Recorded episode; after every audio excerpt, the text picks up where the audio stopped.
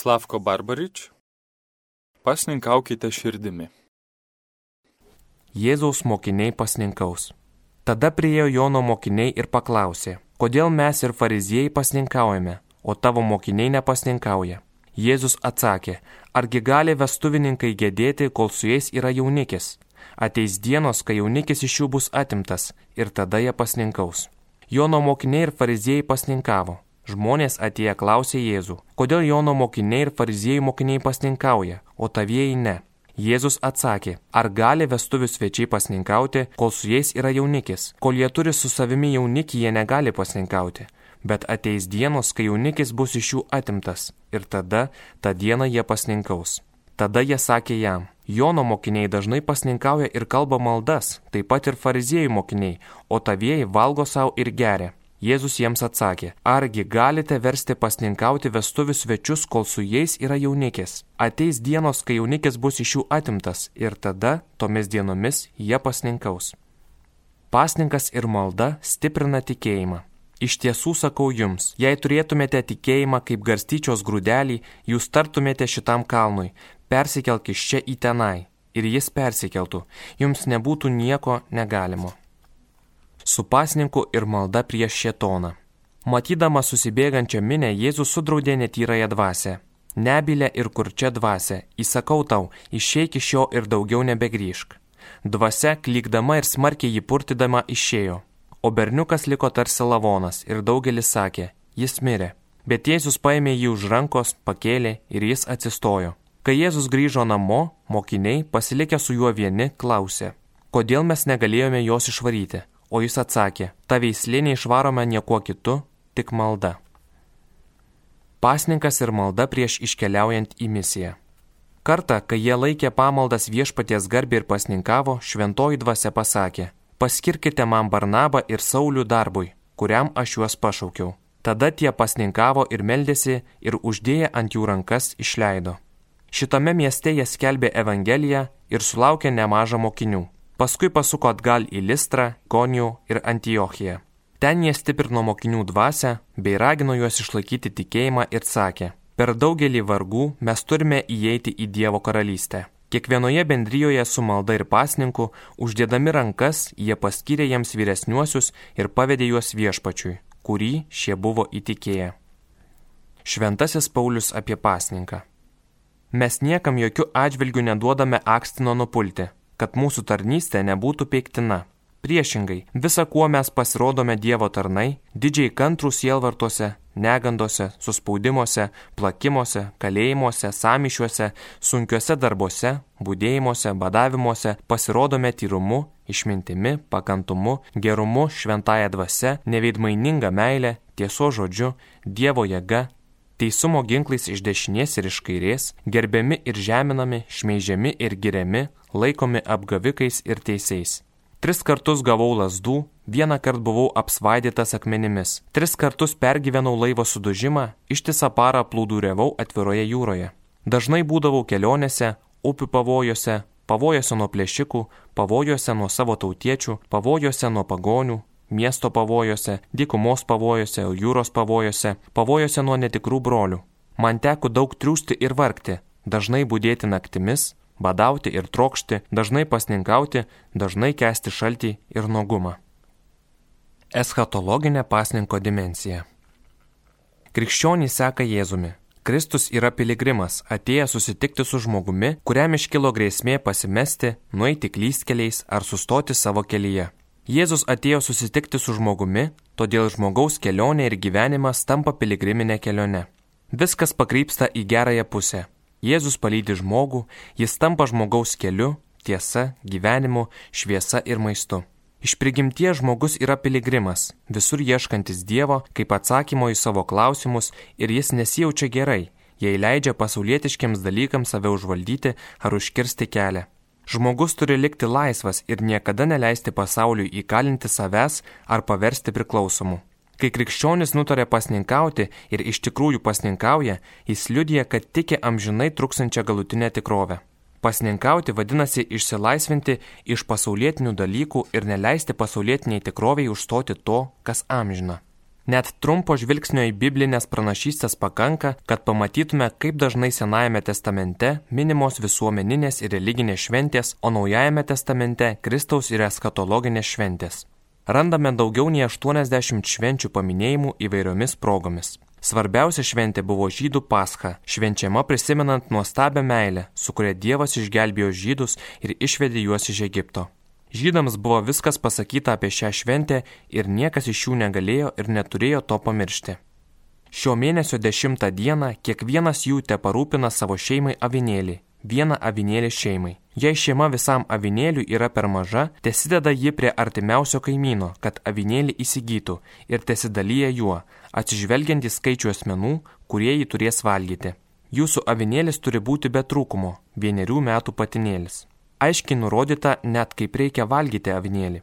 Jį taip turėsite valgyti, susijuose juosmenį, su sandalais ant kojų ir lasda rankoje. Valgysite jį paskubomis. Tai yra viešpaties perėjimas. Ši šventė turi istorinę ir eschatologinę prasme, nes tai Eucharistinės puoto simbolis. Jėzus švenčia paską su savo mokiniais ir įsteigia Eucharistiją. Jis yra Dievo avinėlis, atiduodantis save ne tik už žydus, bet ir visą pasaulį. Puota, apie kurią 25 skyriuje kalba pranašas Izaijas, yra eschatologinė. Galybų viešpat surenks šiame kalne visoms tautoms puotą su skaniausiais valgiais, puotą su rinktiniais vynais, pokylį su gardumynais ir grinais geriausiais vynais. Šiame kalne jis nukels tą šydą, kuris dengia visas giminės, tą nuometą, kuris gobė visas tautas. Jis visiems laikams sunaikins mirtį, viešpats Dievas nušluostys ašaras nuo visų veidų. Savo tautos gėdą jis pašalins visur žemėje. Tikrai tai įvyks, nes taip kalbėjo viešpats. Ta diena bus sakoma, štai šis yra mūsų Dievas, mes jo pasitikėjome ir jis mus išgelbėjo. Šis yra viešpats, juo mes pasitikėjome. Džiugaukime, linksminkimės, kad jis mus išganė. Viešpaties ranka ant šio kalno ilsėsis. Jėzus kalbėjo apie Dievo karalystę vaizdiniais ir palyginimais. Jis dažnai pasitelkdavo puotos įvaizdį. Tuo pat metu jis kalba apie amžiną puotą Dievo karalystėje. Šventasis Lukas užrašė Jėzaus žodžius. Jūs ištvėrėte su manimi mano išbandymuose, todėl aš jums skiriu valdyti karalystę, kaip ir man yra ją skyręs tėvas. Mano karalystėje jūs valgysite ir gersite už mano stalo ir sėdėsite sostuose, teisdami dvylika Izraelio giminių. Įsteigęs Euharistiją Jėzus pasakė. Ir sakau jums, nuo šiol aš nebegersiu šito vynmedžio vaisiaus iki tos dienos, kada su jumis gersiu jį naują savo tėvo karalystėje. Šioje puotoje dalyvaus ir protėviai. Todėl aš jums sakau, daugelis ateis iš rytų ir vakarų ir susės dangaus karalystėje prie stalo su Abraomu, Izaoku ir Jokūbu. O karalystės vaikai bus išmesti laukan į tamsybės. Ten bus verksmas ir dantų grėžimas. O štai kokios yra dalyvavimo puotoje sąlygos. Su dangaus karalyste yra panašiai kaip su karaliumi, kuris kėlė savo sūnų į vestuves. Jis išsiuntė tarnus šaukti pakviestųjų į vestuvių pokylį, bet tie nepanorėjo eiti. Karalius atėjo pasižiūrėti svečių ir pamatė ten žmogų, neapsirengusi vestuvių drabužiu. Jis tarė jam, bičiuli, kaip čia įėjai, neturėdamas vestuvių drabužio. Tasai tylėjo. Puota paruošta, visi pakviesti, bet ne visi nori ateiti, o tarp prieimusių įkvietimą ne visi pasiruošia dalyvauti. Jėzus kalba apie jaunikio laukimą, nes puota gali prasidėti tik atvykus jaunikiui. Skiriasi elgesys ir galutinis rezultatas. Mergaitės laukia jaunikio, kad eitų su juo į puotą. Jaunikiui vėluojant, mergaitės užmiega. Penkios iš jų įžengia į vestuvių puotą, nes turėjo aliejų savo lempose, o kitos penkios vadinamos paikomis nes nebuvo pasiruošusios eiti. Turime būti budrus ir laukti. Jei tarnas nutarė, kad šeimininkas neskubės grįžti ir nenori būdėti, jei jis praranda laukimo dimensiją ir nebežvelgia į ateitį, tada jis atsisuka į save, į valgymą ir gerimą. Taip kyla nesusipratimai, konfliktai ir karai. Pasninkas moko žmogų laukti ir nepavarkti laukiant. Tuo pat metu pasninkas tiesiogiai liudija apie viltį dalyvauti amžinoje puotoje Dievo karalystėje. Viskas, kas parašyta apreiškimo Jonui knygoje, bus įvykdyta. Štai aš stoviu prie durų ir beldžiu. Jei kas išgirs mano balsą ir atvers duris, aš pas jį užeisiu ir vakarieniausiu su juo, o jis su manimi. Duona ir vanduo - piligrimo maistas. Kvietimas gyventi su duona ir vandeniu pirmiausiai ragina mus pasiruošti susitikimui su Kristumi per Eucharistiją. Dar šiuo kvietimu siekiama pagilinti suvokimą, kad gyvenimas žemėje yra piligrimo kelionė. Visas žmogaus gyvenimas ir veikla gali būti vertinama kaip piligrimystė. Minties istorijos eigoje, ypač pastaraisiais dešimtmečiais, įvairios teorijos teigia, kad žmogus šioje žemėje yra keliauninkas, kuris nežino, iš kur jis atsirado ir kur eina. Krikščioniškas požiūris kitoks. Savo esme ir prigimtimi žmogus yra Dievo ieškotojas.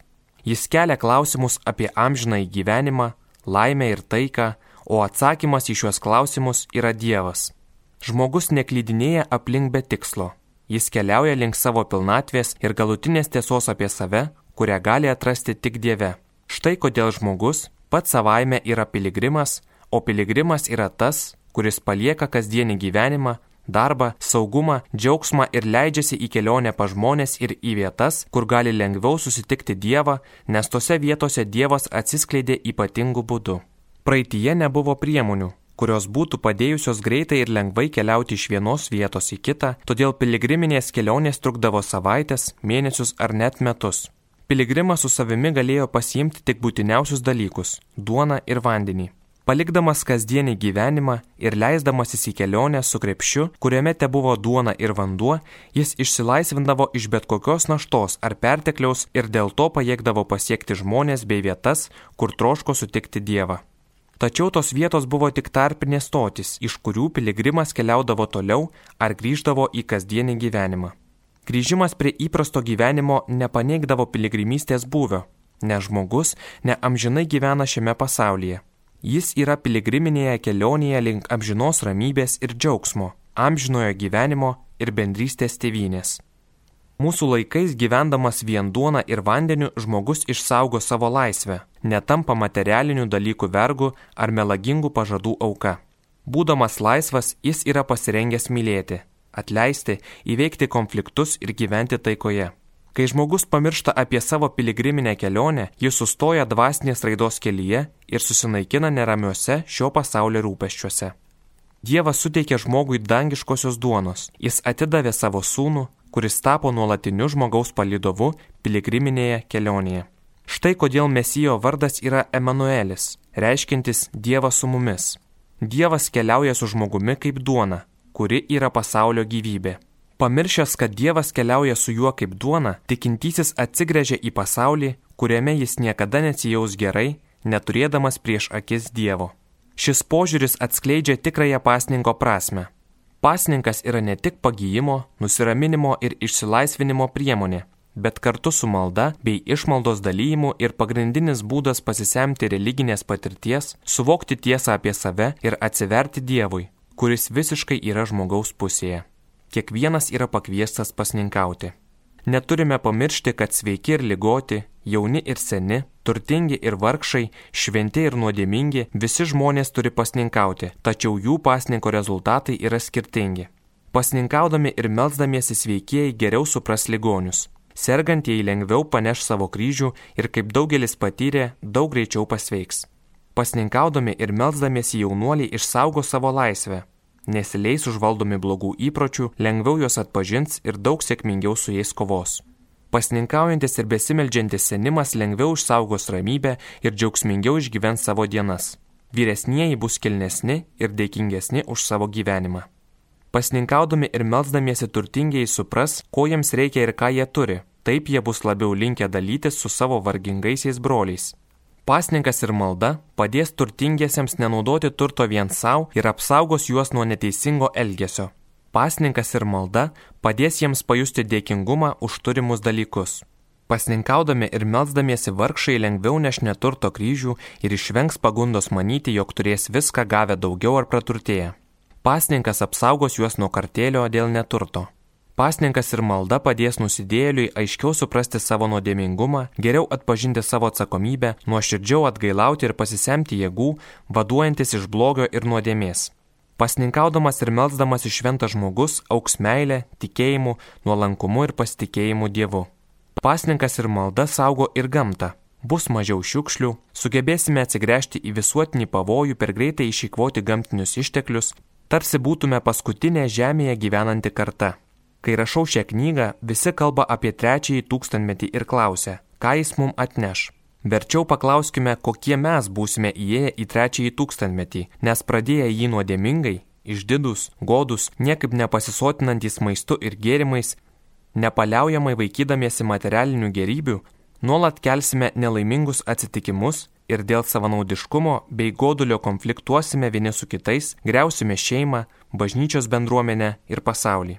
Vėl pradėti pasninkauti ir melstis biblinę prasme - tai sukurti sąlygas naujam gyvenimui. Katalikų bažnyčios katekizmas apie pasninką. Katalikų bažnyčios katekizme pasninkas paminėtas devyniose vietose. Numeris 575. Pasninkavimas minimas pirmą kartą. Vardyjamos įvairios pamaldumo formos - išmalda, pasninkas, malda. Numeris 1387. Minim pasninką, kuriuo tikintieji laikosi rengdamiesi tinkamai priimti Eucharistijos sakramentą. Numeris 1430. Pasakyta, kad Jėzus ragindamas atsiversti ir atgailauti, pirmiausia galvoje turi ne išorinius veiksmus - ašutinę ir pelenus, pasninkus ir apsimarinimus, bet širdies atsivertimą, vidinę atgailą. Pabrėžiama, kad atgaila bus nevaisinga ir nenuoširdi, be vidinio širdies atsivertimo.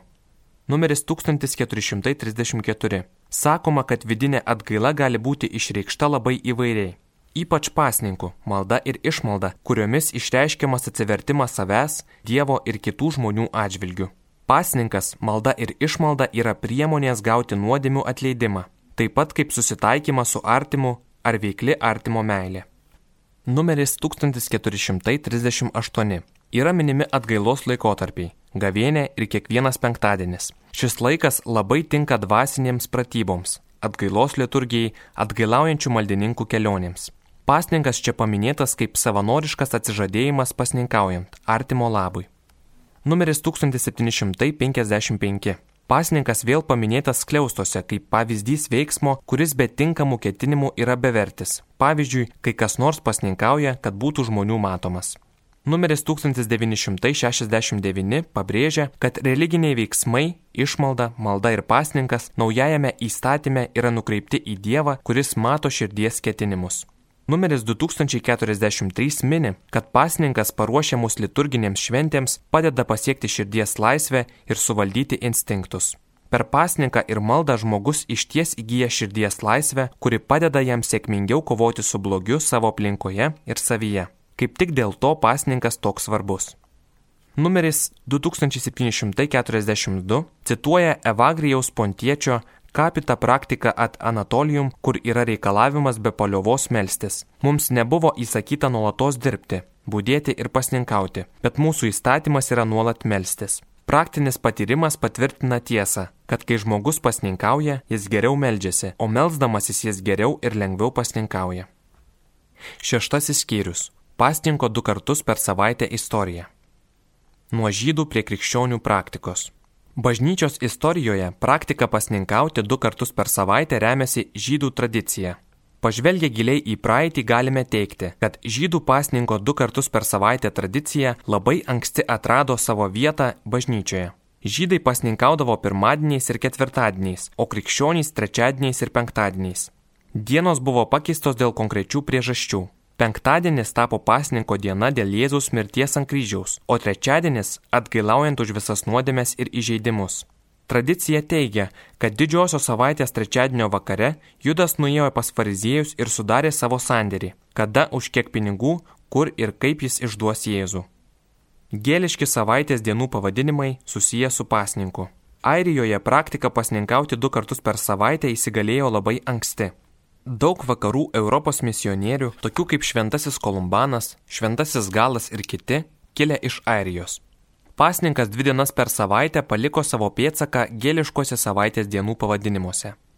Trečiadienis - Keadaoin reiškia pirmas pasninkas, ketvirtadienis - Deardaoin tarp pasninkų, o penktadienis - Aoin reiškia pasninkas. Norėdami suprasti šio įrodymo, liudijančio apie dviejų dienų pasninkavimo egzistavimą Airijoje svarbą, turime prisiminti, kad slavų kalbose savaitės dienų pavadinimai susiję su paprasta numeracija. Ponidėliek - pirmadienis yra diena po sekmadienio, strijada Trečiadienis reiškia savaitės vidurį. Četvirtak, ketvirtadienis yra ketvirta diena, o petak, penktadienis, penkta diena. Lotynų kalboje, kaip ir romanų bei germanų kalbose, savaitės dienų pavadinimai susiję su senovės graikų, romėnų ir kitokia mitologija. Dies Martis, Martedi, Mardi yra romėnų karo dievo Marso diena. Dies Veneris, Venerdi, Vendredi yra romėnų meilės deivės Veneros diena. Donnerstag yra germanų griaustinio dievo Donaro diena ir taip toliau. Girdėjome ištrauką iš tėvo Slavko Barbarič knygos Pasninkauti širdimi.